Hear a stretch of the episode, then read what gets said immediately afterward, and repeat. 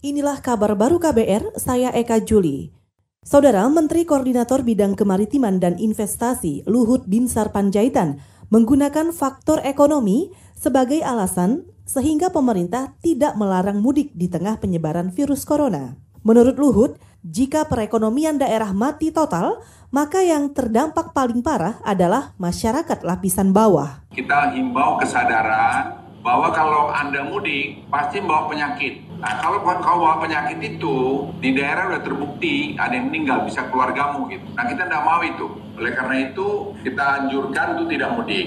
Untuk karena tidak mudik, kita harus ada beri kompensasinya di sini dan itu kita lakukan. Jadi pertimbangan utama kita supaya juga ekonomi itu tidak mati sama sekali. Menteri Luhut juga mengatakan pembatasan sosial berskala besar lebih tepat diterapkan di Indonesia daripada karantina wilayah. Luhut yang menjadi pelaksana tugas Menteri Perhubungan itu juga mengatakan pemerintah tidak melarang pengoperasian transportasi massal.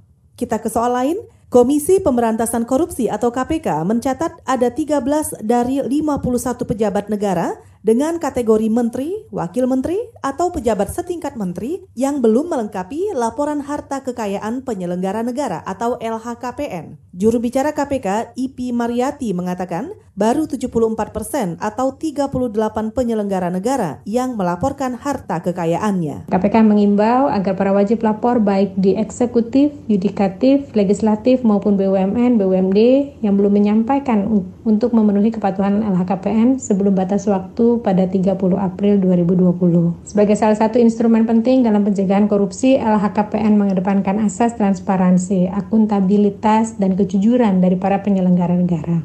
Juru bicara KPK IP Mariati juga menambahkan, dari 21 staf khusus presiden dan wakil presiden, ada 4 staf khusus dan 4 penyelenggara yang belum menyampaikan LHKPN. Sementara dari kalangan anggota DPR baru 48 persen atau 274 anggota dewan saja yang melaporkan LHKPN. Saudara, polisi masih terus mendalami 18 kasus penimbunan masker dan hand sanitizer atau penyanitasi tangan terkait pandemi COVID-19.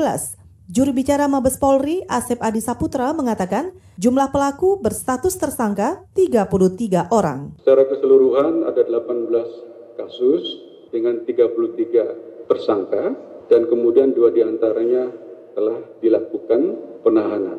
Rekan-rekan, untuk kasus ini tidak hanya pada persoalan penimbunan, tetapi juga didapati ada yang menaikkan harga yang berlipat ganda tidak sesuai dengan harga yang di pasar.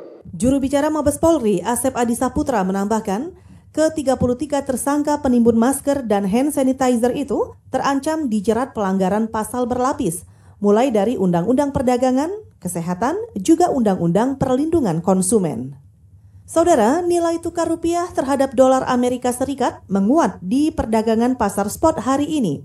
Kurs rupiah mendekati level Rp16.000 per dolar Amerika Serikat. Pada pembukaan pasar pagi ini, 1 dolar Amerika Serikat dibanderol 16.440 di pasar spot.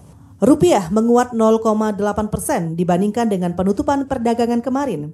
Sementara itu, ruang gerak indeks harga saham gabungan atau IHSG diperkirakan masih akan terbatas. Bahkan berpotensi kembali ke zona merah pada perdagangan hari ini.